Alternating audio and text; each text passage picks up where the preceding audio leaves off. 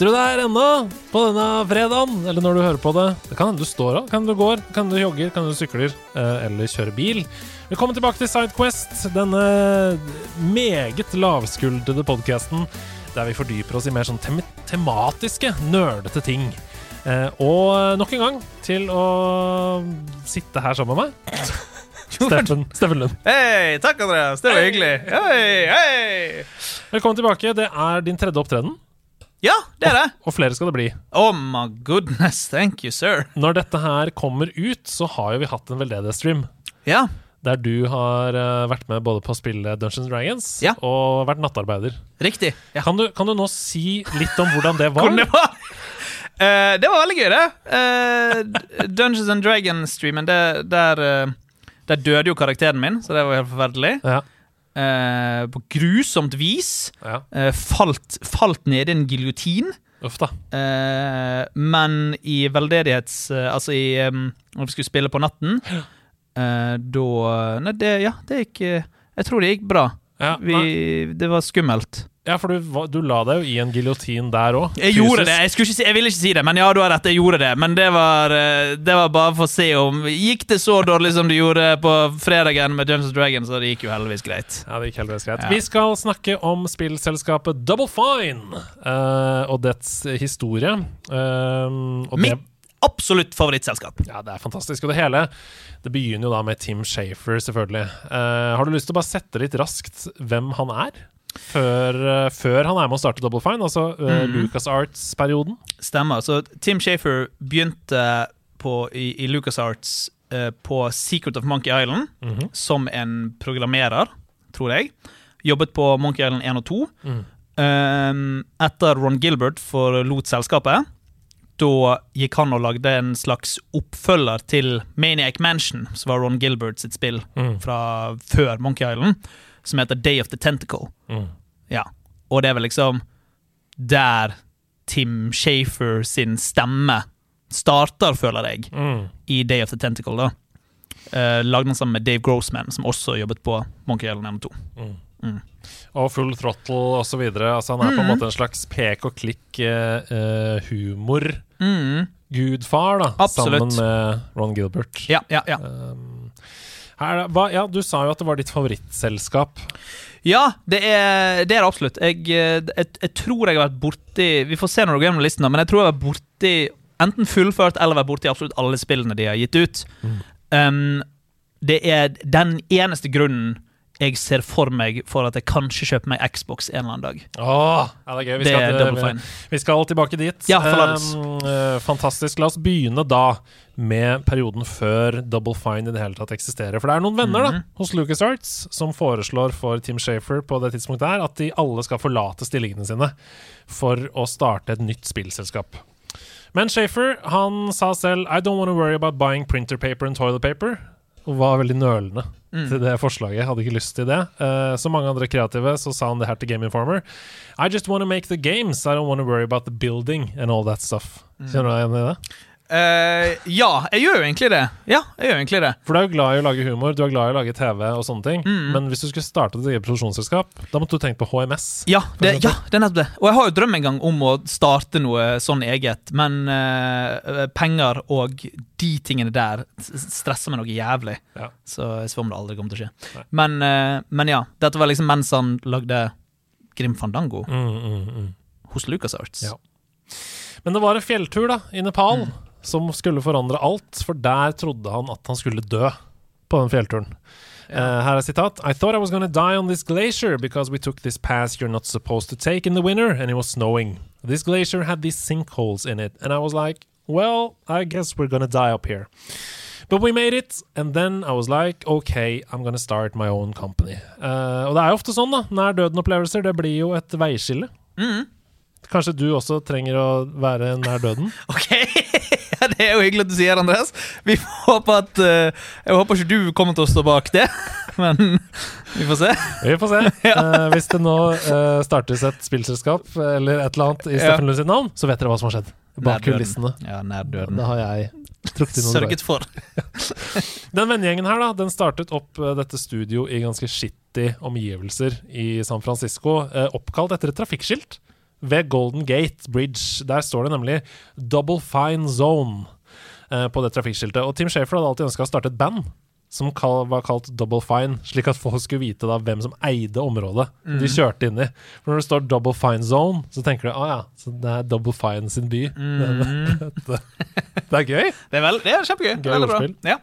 Så når de kjørte inn når de kryssa Golden Gate Bridge. Men eh, et spillstudio, det var nest best etter band.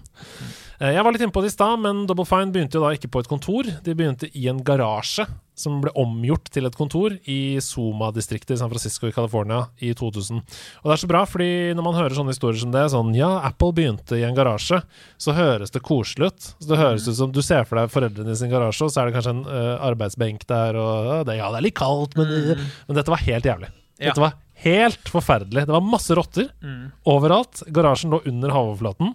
Så når det regna for mye, så ble eh, kloakken overfylt, og overfylte toalettene. Så dere kom opp av toalettene når det regna. Og siden kontorene lå inni en garasje, så betydde det konstant å puste inn eksos. For det kom jo biler inn og parkerte hele tiden, så var eksos i lufta Ja. hele tiden Ja. inni kontoret. Det var heller ikke noe varme der. Så om vinteren så hang de opp eh, store sånne plastikksheets for å dekke til sprekker og sånn. Og så satte de på to små varmeovner. Men hvis de brukte tre, så gikk sikringen. Så Ja, kunne de bare ha på to. Ja. en kveld så forsøkte en dame på hotellet ved siden av å ta livet sitt ved å hoppe fra et vindu um, i femte etasje der. Hun landa på taket til Double Fine, slo hull i taket og knakk ankelen. Så hun bare hang gjennom taket Jesus. der hvor de satt og jobba. Eh, I eksos og iskaldt. Uh, en annen dag så fant de en mann som var død av overdose på vei inn Oi, i kontordøra. Ja. Det er liksom Det er ikke hygg... Dette er Nei, ikke det er ikke hyggelig sted å jobbe. Hvis dette skjer daglig. uh, så det er liksom sånn i, Når folk sier sånn Ja, vi begynte i en garasje, og du må work your way Ja. to the top. Ja, Det er ikke alltid, det er ikke alltid det er ikke alltid det er hyggelig. Nei. Men sannsynligvis, altså Disse arbeidsforholdene her, de var jo ulovlige, sannsynligvis. Mm. uh, I hvert fall hvis du hadde vært i Norge.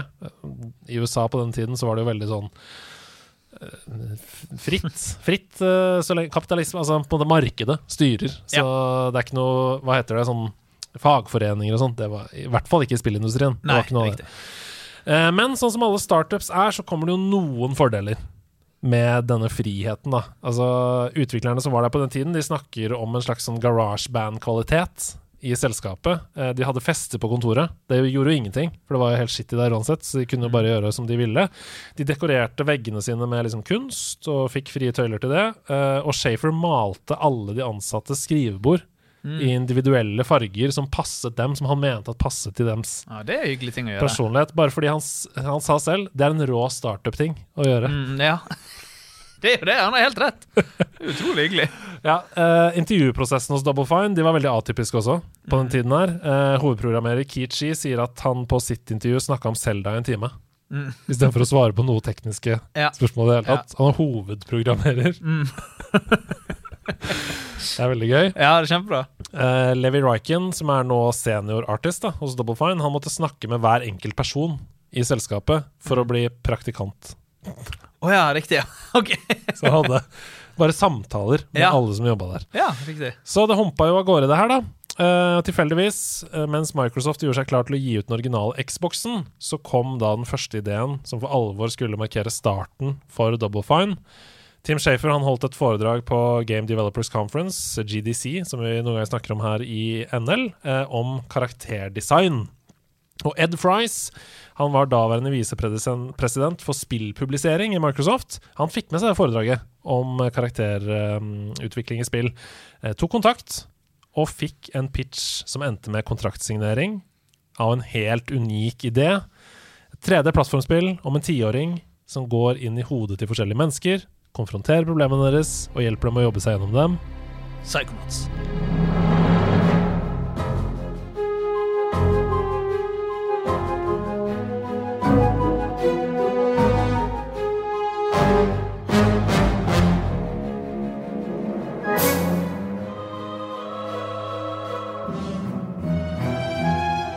Psychonauts. Psychonauts.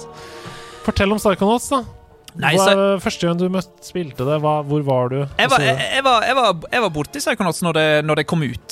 Um, fullførte det aldri. Jeg har fullført Psychonauts i eldre uh, alder. Uh, men, og jeg tror grunnen til at jeg aldri fullførte det, var fordi at det var Det er jo et, det er jo et clunky spill. mm, Uh, og det har liksom de vært ærlige på sjøl òg, at ingen av de hadde 3D-platformer-bakgrunn eller erfaring. Um, så det er Det kontrolleres ganske clunky, men det er jo, det er jo Herregud, det, det ser jo så fantastisk ut. Mm. Og stilen i det spillet gjør det spillet tidløst. Man kan si at det er stygt, men det er liksom stygt med vilje, på en måte. Eh, liksom vanskelig å beskrive sånn Tim Burton-aktig stil på alle karakterene. mm. Eh, men det handler om eh, Raz, liten unge, Raz Rasputin, som går på en eh, summer camp for, for psychic, psychic summer camp, og han skal bli en psychonauts, der de går på summer camp for å bli en psychonauts. Uh, men der er det en konspirasjon som ligger eh, i undergrunnen der. Ulmer. som ulmer, ligger og ulmer der, så uh, Raz uh, hopper inn i hodene til uh, lærere for å finne ut av denne konspirasjonen. Mm. Og det er veldig spennende, og det er veldig trippy og spaisa opplegg, eh, vel, men veldig, veldig bra. Mm. Nei, vi, vi spilte Psychonauts i Har det holdt seg-spalten. Ja, riktig. Hva kom dere fram til? Har ikke holdt seg. Nei. Eh, spillet i seg selv er jo veldig velskrevet og gøy, som du sier, men det er Mm. dette clunkinessen, uh, vanskelig med 3D-perspektiv, som vi på en måte godtok mye mer da det kom, oh, ja. uh, enn vi godtar nå, da. Så det Mm. har dessverre ikke holdt seg, men jeg ønsker meg jo selvfølgelig en remaster. Uh, de har jo remastera mange av sine andre spill, og Psychonauts Mm. 2 er jo en kjempesuksess. Vi kommer tilbake til det etterpå. Absolutt. Så det er vel kanskje Det er ikke helt utenkelig at de allerede nå jobber med det. Uh, med tanke på at Microsoft også har kjøpt dem opp, som vi kommer tilbake til. etterpå. Riktig. Og nå har de jo mange assets fra Psychonauts 2 Mm. de kan benytte seg av. Uh, ja, nei, ja, clunky, absolutt. Og så har en sånn her ehm, Nei, vet du hva, det poenget kan du ta når vi skal snakke om toeren. Mm. Jeg kan ta, jeg kan ta poenget senere. Men Ja. uh, fortell litt om uh, For det er, no, det er bosser og sånn i Psychonauts 1. Jeg husker ikke. Jeg har bare spilt oppfølgeren. Uh, ja, uff, det er jo bosser, men alle de bossene er jo ehm, Ja, faen, er det bosser? Jeg husker jo um, Det er en du, spi, du, du slåss jo med ehm, Det er en bane som heter The Meat Circus, Ja. som er en av de siste banene, og da slåss du med en sånn her uh, Akira-aktig kjøttklump Mm. uh, som går rundt med kjøttmallets uh, og kjøttkniver og kaster på deg. Men faen, kanskje ikke er så mange bossfights, da. egentlig. Det står det, altså. Det er masse bossfights i Psychonauts 1. Ja. Eh, 8, 9, 10, 11, 12 14 er Mm. det som er lista inne på Psychopedia. Eh, Psychopedia. som selvfølgelig fins. Ja, så klart. Mm. det- Det skulle hett Encyclopedia. Det hadde vært enda morsommere. morsommere. har du, vet du. Ja, Ja. absolutt. Men alle, så folk, alle er ikke oss. Nei. Men det som du sier, eh, jeg har Alle er ikke oss. Nei, men det som du sier, jeg, eh, har ikke spilt Psychonauts 1 eh, mye. Prøvde det når det kom ut. eh, spilte det i jeg, jeg spilte det på nytt når de annonserte Psychonauts 2 Mm. i 2015, tror jeg Mm. kanskje de annonserte det spillet. Mm. Da plukket jeg opp eh, Psychonauts 1 igjen. Ja. Prøvde det. Um, likte det veldig godt, men det er liksom ett problem jeg har med det. Jeg, jeg, jeg, kan komme tilbake igjen til det, som gjør at det blir tatt litt ut av det, faktisk.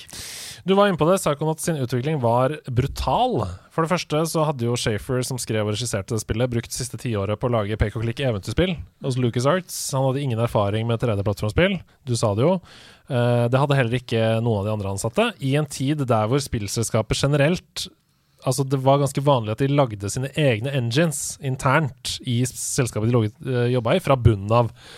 Samtidig som de skulle det, da, lage sin egen engine og lære seg å lage 3D-spill, eh, så skulle de liksom bygge opp Double Fine som et studio. De måtte bemanne nye folk, de måtte lære seg å være et ekte firma. Eh, fikse dette med toalettpapir og regnskap og alt det greiene der i en garasje. Ja. Som, hvor de fikk vondt i hodet av å puste eksos, Ja, og ja. folk kom gjennom taket fordi de tok livet sitt. Mm. Ehm, det er utfordrende. Så Psychonauts det var under utvikling i rundt fem år, og det er ganske lenge på denne tiden Veldig. for å lage spill. Uh, det gikk så vidt bra, men det gikk bra til en veldig veldig høy pris, nemlig enorme mengder crunch-arbeid. Mm. Som de ansatte i ettertid har sagt at var helt forferdelig. Mm. Altså typ 20 timer om dagen i eh, Eller i hvert fall 18 i Mm. liksom lang, lang tid. Ja. Så 2004 det var et tøft år for Double Fine. Det var et år som selskapet nesten ikke overlevde. Uh, I flere intervjuer så har sjefer til og med innrømma at han fortalte teamet sitt at Double Fine skulle legges ned, og at neste lønnsslipp var den siste. Det hadde han liksom sagt på et internt type mandagsmøte. da. Uh, fordi Microsoft fortalte at vi kommer ikke til å bruke mer penger på Psychonauts. Hvis dere ikke blir ferdig på den, det vi har gitt nå, så blir det ikke noe av. Uh, heldigvis så fikk da Double Fine et lån fra skaperen av SimCity. Will Wright, eh, som holdt selskapet flytende i den tolvte time, inntil de greide å lande en avtale med utgiveren Majesco. Og det redda både Psychonauts og hele Double Fine. Uh, og til tross for den redningen og enormt gode anmeldelser da Psychonauts kom ut, så var det en fiasko. En kommersiell fiasko. Uh, ingen i gåseøyne kjøpte det. Det var, Spillet solgte færre enn 100 000 eksemplarer i 2005. Det var ikke bra nok for Nei. Microsoft. Så, uh, som forberedelse til neste prosjekt, så gikk Double Fine tilbake til tegnebrettet og tenkte sånn OK, vi må tenke nytt rundt hele hvordan selskapet tilnærmer seg spillutvikling fra bånn av, Uh, og spesielt da for å unngå crunch. For det var flere ansatte som hadde vært ganske tydelige på at hvis dette skjer en gang til, så sier jeg opp. Um, så etter en tid med idéutvikling så endte de på et spill som var utrolig ambisiøst for sin tid. De fikk signert en utgiveravtale med EA, som ga dem økonomisk trygghet, åpenbart.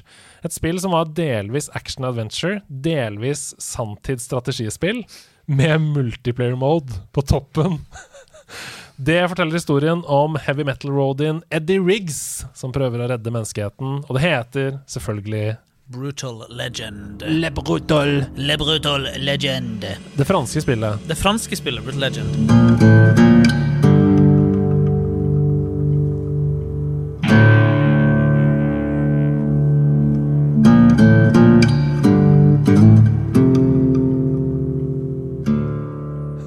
Eh, ja, nei, Brutal Legend er jo eh, fantastisk. Jeg husker eh, når de annonserte det, så annonserte de med en sånn her CG-trailer som var Eddie Riggs i en ørken som drev og kappet opp zombier, til en Ronny James Dio-låt. Uh, The Mob Rules av Ronny James Dio Ja. spilte mens han kjørte gjennom ørkenen, og så ble han til en drage. Vingene kom ut, og voff, flakset opp på toppen, så havnet han på en trone, og så var det Brutal Legend. Uh, det hadde jo liksom alt På, på, på liksom barneskolen og ungdomsskolen så var jo personligheten min eh, Det var jo Jack Black. Elsket jo Jack Black. Mm. Så barneskolen og ungdomsskolen så var det personligheten min. Og eh, elsket Tim Shafer fra Monkey Island, og klikk-verden, og elsket heavy metal. Så det var liksom de tre tingene det spillet appellerte så mye til meg, og jeg gleder meg så mye til det spillet. Og jeg elsker det spillet. Jeg synes det er et fantastisk spill. Men eh, jeg sliter med RTS-delen av det. Ja, ja, det skjønner jeg godt. Mm, Og det som er litt sånn sprøtt, for jeg har liksom lest om det masse i ettertid, er at Team Shafer ville jo lage et RTS-spill. Det var EA som gjorde den der eh, Det må være et action adventure, for det er det folk spiller nå. Og så sånn, ah, fuck, greit, jeg får putte inn en open world action adventure-greie. Og det er jo det som er kult med det. Ja. Å kjøre rundt i den åpne verden som ser ut som heavy metal-platecovere. Mm. Det er jo helt utrolig mange av de der vistasene du ser i det spillet. Og kjøre rundt i bilen med det heavy metal-soundtracket på anlegget. masse fet combat og skyting og Dritkult. Ja. Og så går du inn i RTS-greier, og så blir det bare Ja, jeg, jeg ble tatt ut av det. Ja, ja, ja. Det, det var ikke, det var, det var ikke jeg, jeg, jeg hater å måtte innrømme det. Jeg har brukt flere år på å innrømme at jeg ikke likte RTS-delen i Brutal Legend. Ja. Men eh, jeg jeg elsker det spillet allikevel. Bare på grunn av alle de tingene det er. Det er alt jeg liker. Ja, og bare hele den der starten med Jack Black som kikker på deg og sier sånn 'bli med inn her', i den der ja, legendariske ja. platesjappa i LA, som jeg har Mhm. vært i, fysisk! Har du det? Ja! Å, er det sant? Ja, ja, ja. Eh, og går inn der og liksom finner det coveret som han tar opp, og så trykker du på det, og så er du i gang, liksom. Da er du i Eh, men menyen er et vinyl platecover som du åpner opp, og det er liksom start game, continue, og så kan du gå videre på neste slide på settings, og da tar han ut platen og plat settingsen din på platen. Det er veldig kul, Ja, er denne bare menyen i det spillet. En deilig miks mellom virkeligheten og spill. Ja. Um, men eh, jo, det var så gøy det du sa med den tidsperioden, for jeg husker så Det har jeg aldri tenkt på, men da du sa det Hvor ofte jeg kom hjem fra skolen, satt på ZTV, Mm. og det var bare sånn musikkvideo-run der, Ja. og hvor ofte Tribute Tenacious D, av ja. The Tenacious D Mm. kom. Jeg måtte bare se hele videoen Ja. hver gang. Mm. Ja, ja. Løp rundt og bare When we play the best and the other rotten world, just so happen to be Det er veldig sånn det, Ja, nei, det, det Ja, igjen, det, alt med det spillet eh, appellerte til meg, og jeg gleder meg så mye uh, til det. Jeg husker når det, når det kom ut, da, jeg, da, da kjøpte jeg min egen PlayStation 3. Min far hadde en PlayStation 3 lenge, men jeg hadde spart opp penger til å kjøpe min egen bare for når det spillet kom ut. Uh, Rocktober 13th, tror jeg det kom ut i 2011. Kom det ut i 2011? Det kan stemme. La meg google det Ja, det før vi blir halshogd i DMs.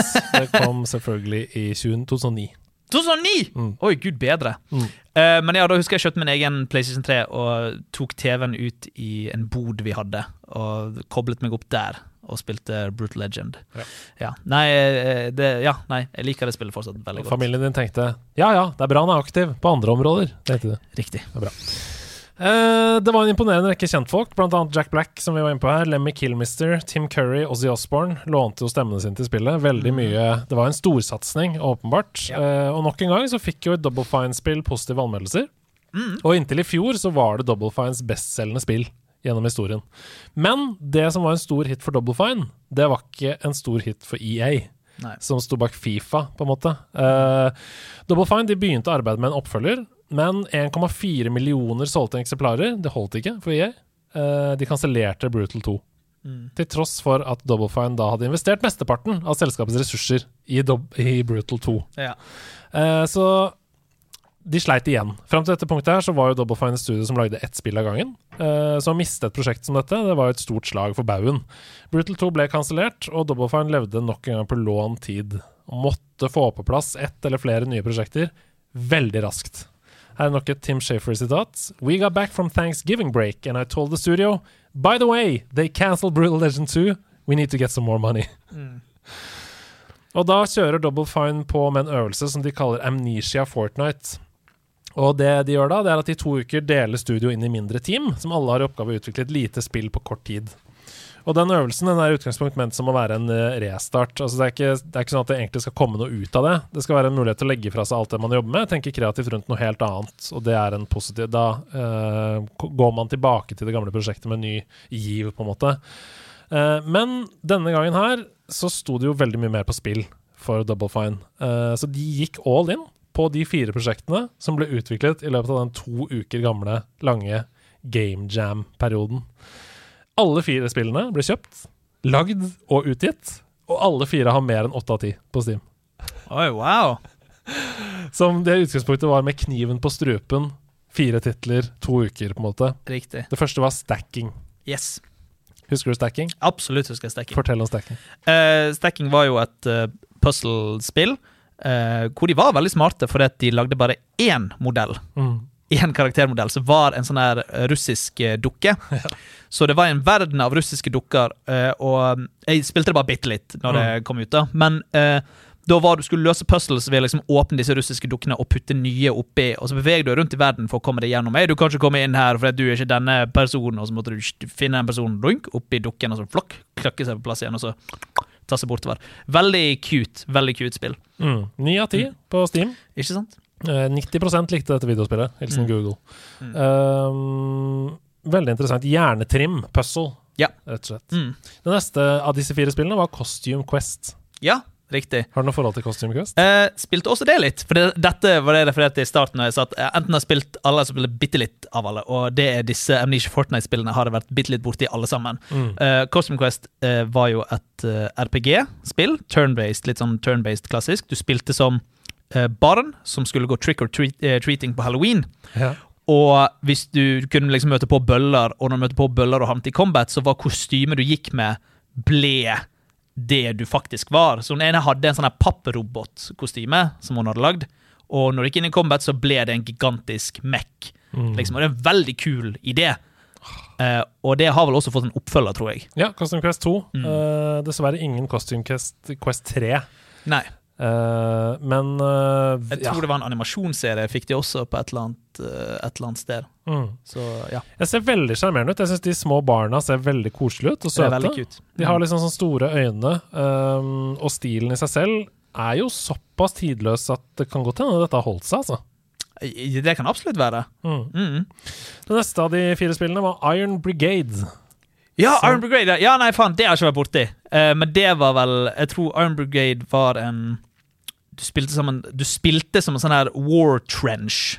Uh, som folk liksom gjemt uh, under. Mm. Men war trenchen kunne gå på to bein. Så han liksom Mm. ble til en robot, og så gikk han rundt på to bein, og så spilte du på en war zone-aktig Mm. greie.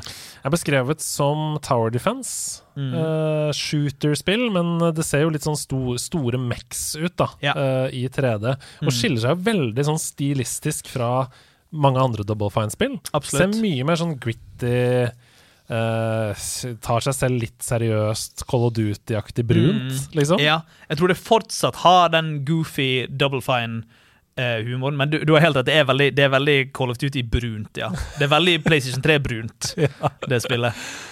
Det siste av disse fire spillene var noe så søtt som Sesame Street, Once Upon a Monster. Ja. Det ja. Nei, jeg har, jeg har heller ikke vært borti Once Upon a Monster, men det er, det er et Xbox Kinect-eksklusivspill. Ja, Xbox 360. Mhm. eh, pedagogisk videospill ligger Riktig. under i sjanger. Ja. Og der tror jeg Der tror jeg det originale var vel egentlig bare at det var et uh, Var et sånt Kinect-spill med liksom um, originale monstre de hadde lagd. Mm. Men så var det sånn Å ja, faen, disse ligner jo jævlig på Muppets. Eh, La oss gå til de og pitche det. Mm. Og så gjorde de det, og så ble det en Sesame Street-IP. Og Mm. sånn som jeg har forstått det, så liker små barn det spillet veldig godt.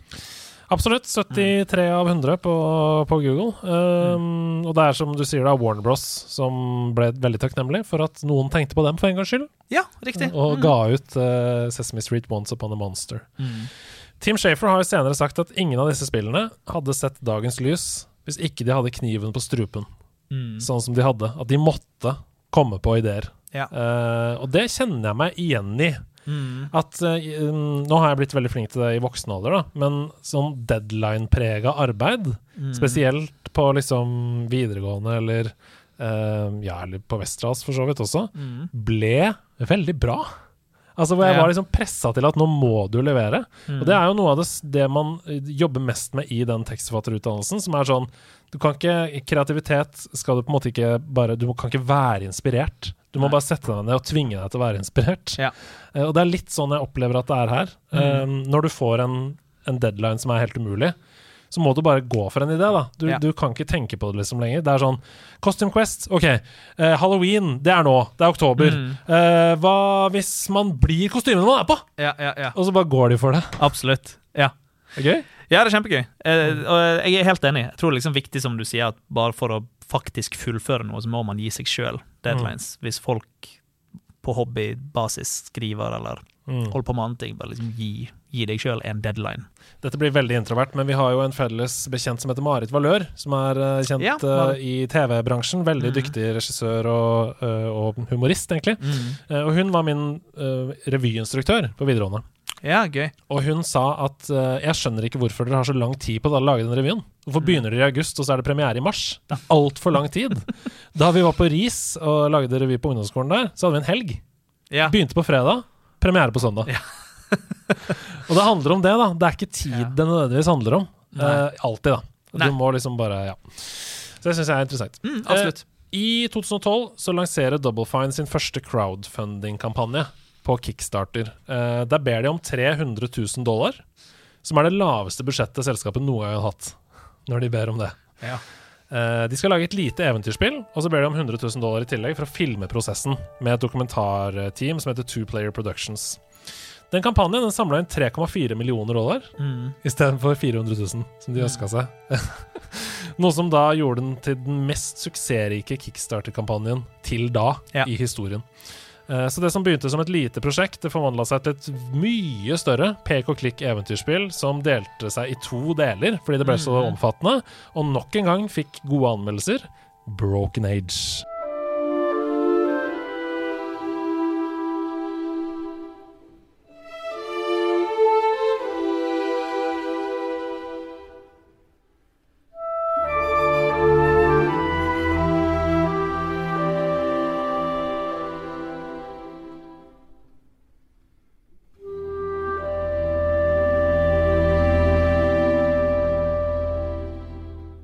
Har du spilt Broken Age? Ja, ja, ja, absolutt. Jeg har spilt Broken Age. Um, jeg uh, syns det er Jeg, jeg, jeg, syns dessverre det er helt OK.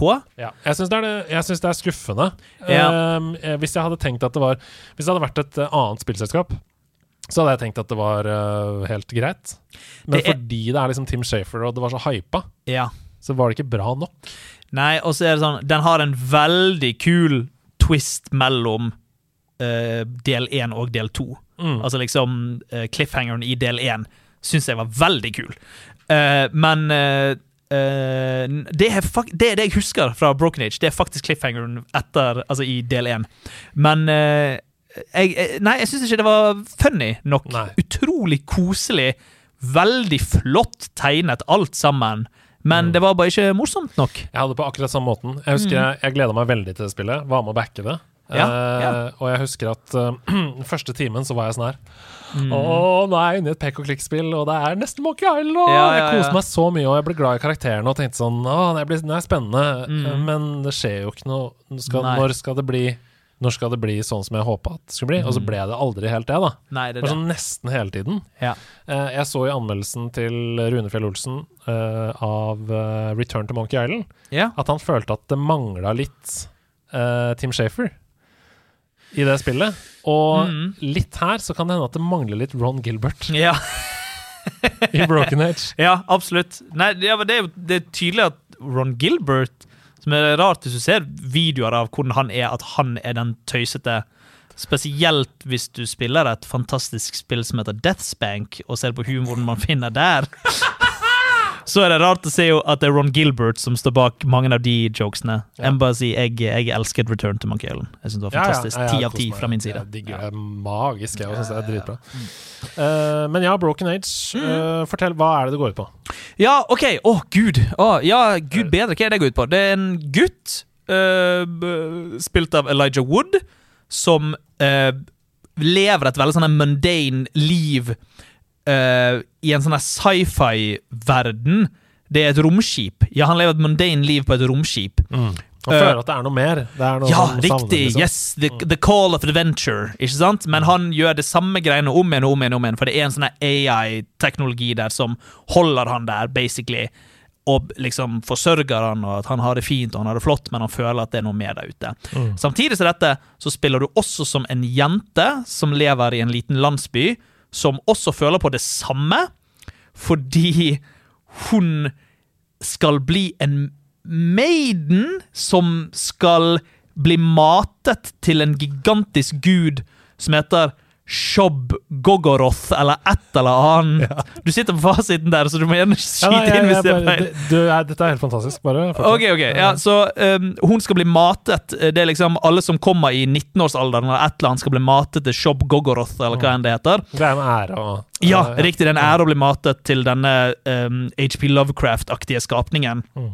Men hun òg føler på at det er noe mer der ute, så vi følger hun opp mot tiden hun skal bli matet til dette beistet, Mm. eh, hvor hun basically klekker ut en plan for å komme seg ut derfra, tror jeg det er. Mm. Samtidig som vi spiller som han her, som føler at det er noe mer der ute. Ja. Og det er liksom akt én. Ja. Er basically det, og så får jeg ikke spoile akt to. For det, jeg, tror, jeg, jeg tror det er et det er jo et koselig spill. Ja, ja, ja. Det er et veldig koselig spill, og det er mange av puzzlesene som er gode, mener jeg husker. Jeg har bare spilt det én gang.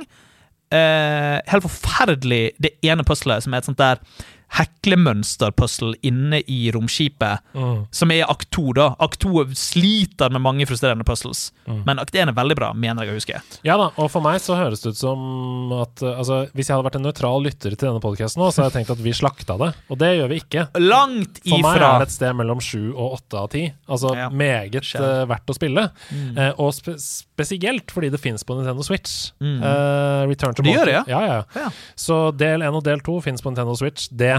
Hvis du liker uh, eventyrspill, sånn som Return to Monkey Island hvis, du, Mm. hvis det var ditt første møte med Monkey Island, for eksempel, og du tenker å, det var bra, det var, likte jeg godt på Nintendo Switch, så burde du plukke opp Broken Age Altså. Kan ikke koste mye nå. Det, nei, det kan umulig for meg. Det som eneste var jeg, jeg tror grunnen til at man sliter litt med Broken Age, er nok på grunn av nostalgi Mm. til de gamle pek-klikk-eventyrspillene.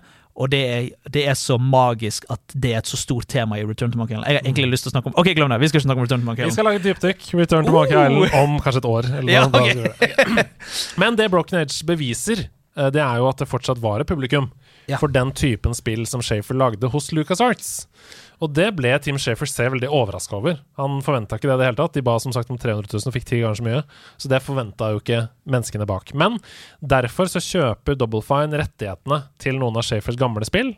Green Fandango, Full Throttle og remaster dem for moderne konsoller. Og Day of the Tentacle. Og Day of the Tentacle. Uh, og det bidrar da til å stabilisere selskapet økonomisk, uten så veldig mye jobb. Fordi det er jo Det grunnleggende ligger jo der.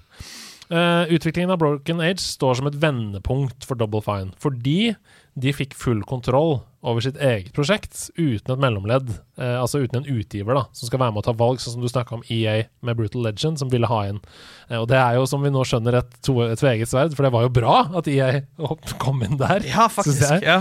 Men, men det var i hvert fall en, en slags pusterom for dem, så avgjørelsene ble nå tatt direkte med fansen, uten Mm. et mellomledd. Mm. Det ga mersmak. Og det skulle heller ikke være det siste prosjektet som Double Fine crowdfundet for. I 2015 så henvendte de seg igjen til fansen, denne gangen gjennom en crowdfunding slash investeringsside som heter FIG. Eh, og ved slutten av FIG-kampanjen i januar 2016 så hadde Double Fine hentet inn over 3,8 millioner dollar til utvikling av det som hittil er deres største, best anmeldte og mestselgende spill noensinne. Den enorme suksessen Psychonauts 2. lost alone. Neither skin nor bone. Just a thought is all I've got. Now my cover's blown. Uh, ja. Uh, ja, Psychonauts 2 er jo helt fantastisk. Kan jeg, kan jeg bare skyte inn noe kjempekjapt? Ja. Som er bare litt sånn uh, Bitte litt tilbake til Broken Age, men fortsatt i tråd til det vi snakker om. Em, de ba om 300 000, 100 000 mer for å dokumentere det. Den dokumentaren som er av The Making of Broken Age, det er tror jeg 20-30 timelange episoder som er helt fantastisk. De er så bra, og alt ligger gratis på YouTube. Og man burde følge Double Fine Productions på YouTube, for det er det eneste spillselskapet vet om som slipper folk så mye inn bak kulissene på hvordan de lager det. Og det er så sykt interessant og spennende å høre om. Så jeg ville bare også si det. Jeg visste ikke om det var noe du hadde tenkt å ta opp. Nei, Det er supert at du sa det, fordi det jeg tenker er at de som hører på Sidequest om et spillselskaps historie, de er spesielt interesserte. Mm. Ja. Og her kan du bli enda mer interessert. Enda mer interessert. Ja, uh, så er sjekk ut det på YouTube, ja. Men ja, Psychonauts 2. Eh, Psychonauts 2. Uh, veldig, veldig bra. Kjempebra spill. Det var jo en stor debatt i nederlandslaget internt om uh, vi skulle kåre It Takes Two eller Psychonauts 2 Ja, til det beste spillet, til Game of the Year Mhm. uh, det året. Det var vel i fjor, da? vel? Det var vel i fjor, 2021? Ja. Jeg er så, jeg er så Hvis jeg Kan jeg Nei, det Jeg bare, si, bare, bare skyter kjapt inn. It Takes Two har fått utrolig mye Game of the Year. Tomler opp, tomler opp, tomler opp. Men historien og manuset i det spillet er fucking ubrukelig. Sorry. Yes, ok, bra! Men altså, vi er alle enige. It Takes Two er kjempegøy å spille, men historien og manuset i det spillet er så drit, altså. Ja, ja, bra. Nei, men eh, Hvorfor er den dritt?! Det er jo Nei, koselig! det Det er men- en datter som gråter! Liker du ikke barnetårer? Jo, jeg liker barnetårer. Jeg elsker barnetårer. Men det er så det, Du får helt å trykke på shots for. Nei, det, nei, jeg vet ikke. Jeg, liker, jeg er veldig glad i It Takes Two. Jeg, bare, jeg Ja. tror bare Psychonauts 2 var helt utrolig. Ja. Det var, det var noe helt annerledes. Jeg er enig i det, og du er vel på lag med Sebastian Brynestad der. Du var han som var eh, hardest på å argumentere for at Psychonauts 2 burde være foran It Takes Two. Ja. Eh, også fordi han mener at It Takes Two er for lett. Mens Ja. uh, Psychonauts 2 hadde, var utfordrende. Um, Ja. Mm.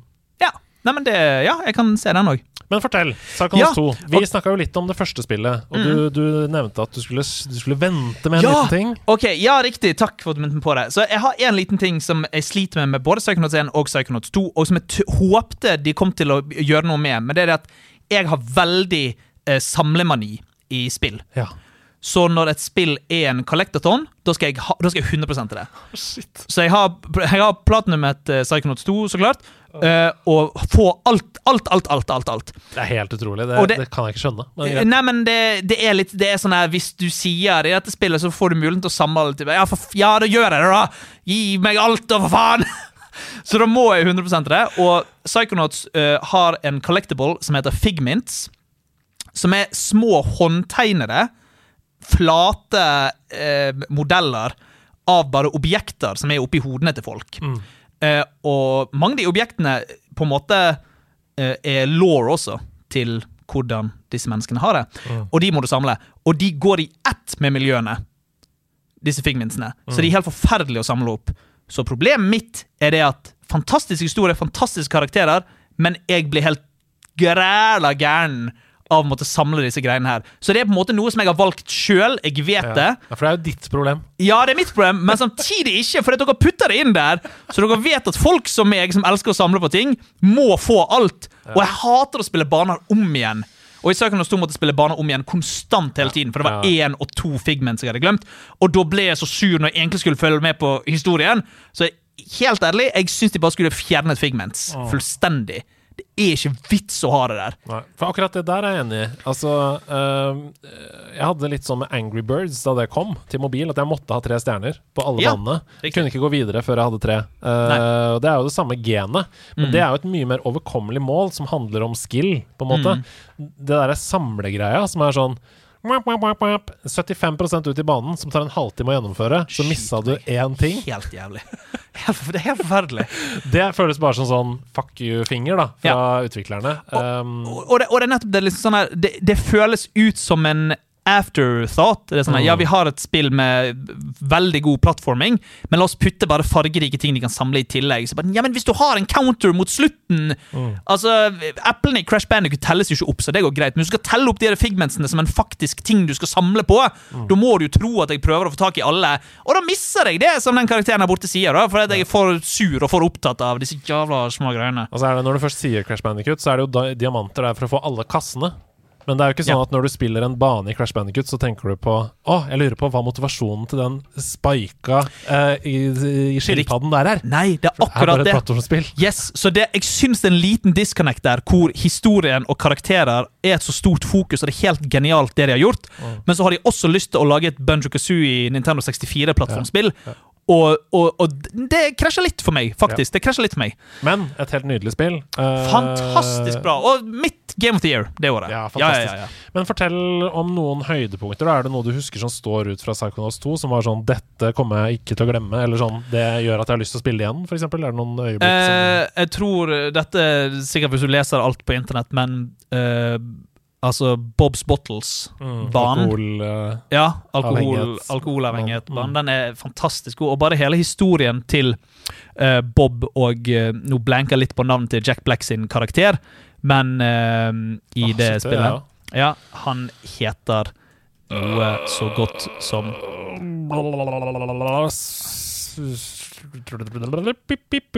Psy King? Nei. eh, Ja, han heter The Psy King, men han, Mm. men han, heter, han har også et annet uh, navn. Uansett, samme det. Uh, disse to har jo et eh, eh, forhold, og jeg har også, hvis du går inn på Double Fine Production sin eh, eh, YouTube-kanal, så ser du et langt intervju som var i en time, som snakker om hvordan de lagde Hvordan, hvordan Tim Shafer gikk fram for å liksom lage dette homofile forholdet mellom disse to karakterene og hvem han kontaktet, og hvem han snakket med, og hvordan, han, hvordan gjør vi dette ordentlig. Jeg har lyst til å gjøre det ordentlig, og det er fantastisk bra eh, intervju han har sammen med en game designer som han har pratet masse med. Mm. Det ligger på nettsiden. Um, men Helmut, Helmut Fullbear. det riktig. Helmut og Bob, ja. Og det, nei, Den banen liker jeg veldig godt, men den har også litt de elementene som It Takes Two har, hvor den endrer på formelen. Du har f.eks. en bane som en sånn her Du slider rundt i et gameshow, men det er også matlagings... Du skal lage mat, og så slider du rundt på dette gameshowet. Så det er liksom en helt ny mekanikk igjen. En bane som handler ikke om du skal ta skurker. og sånt. Det handler om at du skal lage mat. Så du må liksom bruke psychic-kraften din til å løfte opp og kaste i gryter. Og den banen ble jo født ut av Amnesia Fortnite. Som var en ting eh, en av de andre designerne, en gjestedesigner de hadde innom, lagde et sånt spill som The God Must Be Hungry, eller noe sånt drit. Mm. Hvor det var noen som eh, railet rundt på railgrounds, liksom, og, og kastet mat i gryter, og så var Team Chef sånn Å ja, faen, det er dritgøy, vi putter det i spillet. Så det er veldig gøy. Det er liksom denne kreativiteten i hver bane, og det føles ut som at her er det unike folk sine stemmer i hver eneste bane. Og selv om du gjør mye av det samme plattformingen, så er det litt den samme følelsen som It Takes Two, hvor Mm. hver bane føles veldig ny og unik og spennende. Man har lyst å utforske og vite mer om disse karakterene. Og det er det som får deg til å fortsette å spille, fordi det er aldri stale, da. Det er aldri kjedelig. Det kommer en ny uh, kreativitet, en ny input hele tiden. Så det er, Mm. det er veldig vanskelig å legge fra seg når man begynner å spille. Og Mm. er verdt hele GamePass i seg sjøl. Altså, det å kjøpe Ja. GamePass er bare Bare kjøp det av Psychonauts 2, hvis du ikke Mm. har spilt det før. Mm. Uh, og du trenger heller ikke spille det første. Du kan bare spille det andre. Ja, du kan hoppe rett til dette. Mm. Dette tar også sted literally minuttet etter første spillet på Ja. tror jeg. Ja. Og ja, nei, det er veldig, veldig, veldig bra. Og igjen et spill som har en veldig god twist mot slutten. Mm. Uh, ah, han er god på det, altså. Ja, det er det. Ja. Suksessen med Psychonauts 2 fører på mange måter til Double Fines nyeste og mest betydningsfulle endring. Uh, de er ikke lenger et uavhengig studio. I 2019, på scenen på E3, så avslører Tim Shafer at Microsoft kjøper Double Fine. Eh, og på kort sikt så gjorde dette at Psychonauts 2 kunne ta inn flere bosskamper som de hadde tatt ut av spillet. Pga. budsjetthensyn, så det ble et bedre spill. Eh, på lang sikt så betyr det at Double Fine ikke lenger må dra på turné for å pitche spillene sine, eh, og lete etter finansiering fra forskjellige partnere, eller inngå avtaler som kanskje ikke er helt til deres fordel, for å holde seg i live, da. Pappa Microsoft er et økonomisk solid sikkerhetsnett nå for Double Fine. Så gjenstår det å se hva fremtiden bringer for Double Fine, men det er jo veldig liten tvil om at perioden de nå er inne i, er veldig interessant. Fordi det er så å si første gang på 20 år som selskap at Double Fine har solid økonomisk sikkerhet. Eh, vil det være utelukkende positivt? Når Tim Shafer selv har sagt at fire av spillene ikke hadde eksistert hvis ikke de hadde kniven på strupen. Ja. ja, nei, altså jeg, jeg er jo litt mer skeptisk. Det høres bare for godt ut til å være sant. Det der uh, Phil Spencer som gir de uendelig med penger og sier 'lag hva dere vil', og vi skal ikke røre det. Dere skal være double fine, dere skal være 100 dere. Uh, I don't know. Det var følelse Med en gang Phil Spencer slutter i Xbox, da kommer de til å Ja, det er sårbart, da. Ja, ja, ja. ja. For det var jo det som skjedde forrige gang. Da var det jo han Frice, han fri, Ja, Ed som, Price. Mm. Ed Price, som slutta. Mm. Og da canna Microsoft. Mm. Eller de stoppa pengebunken Mm. til Ja. Psychonauts 1.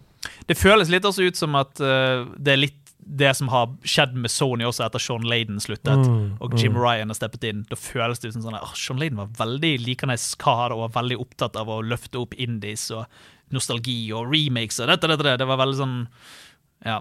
Nei, men eh, jeg eh, Nei, ja, nei, det bare høres for godt ut til å være sant. Mm. Men som jeg sa innledningsvis, at det, dette, dette er grunnen til at jeg vurderer å kjøpe meg en Xbox. Ja.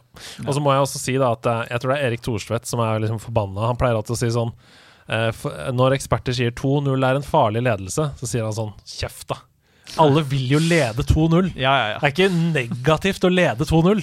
Ikke gidd å si det, liksom. Nei. Og det er jo på papiret ikke negativt heller å ha, solid økonomisk trygghet. Det er jo altså Det er jo he, det er helt fantastisk. Og det er, jo, det er jo veldig Hvis den dealen er så god som den er, så er det utrolig fortjent.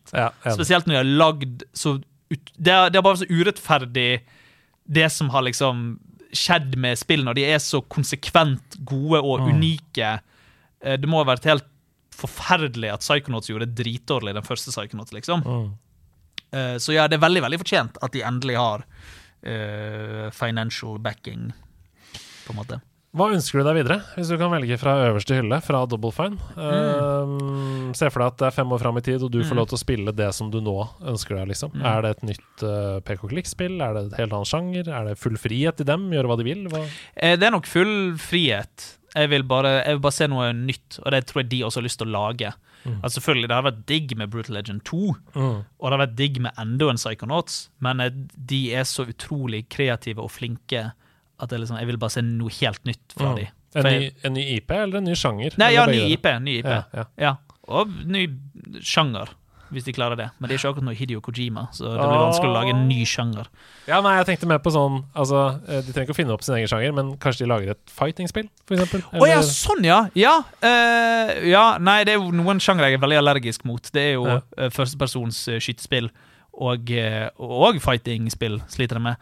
Fucking gjør tredjepersonsplattform igjen. Dere er flinke, de er flinke på det.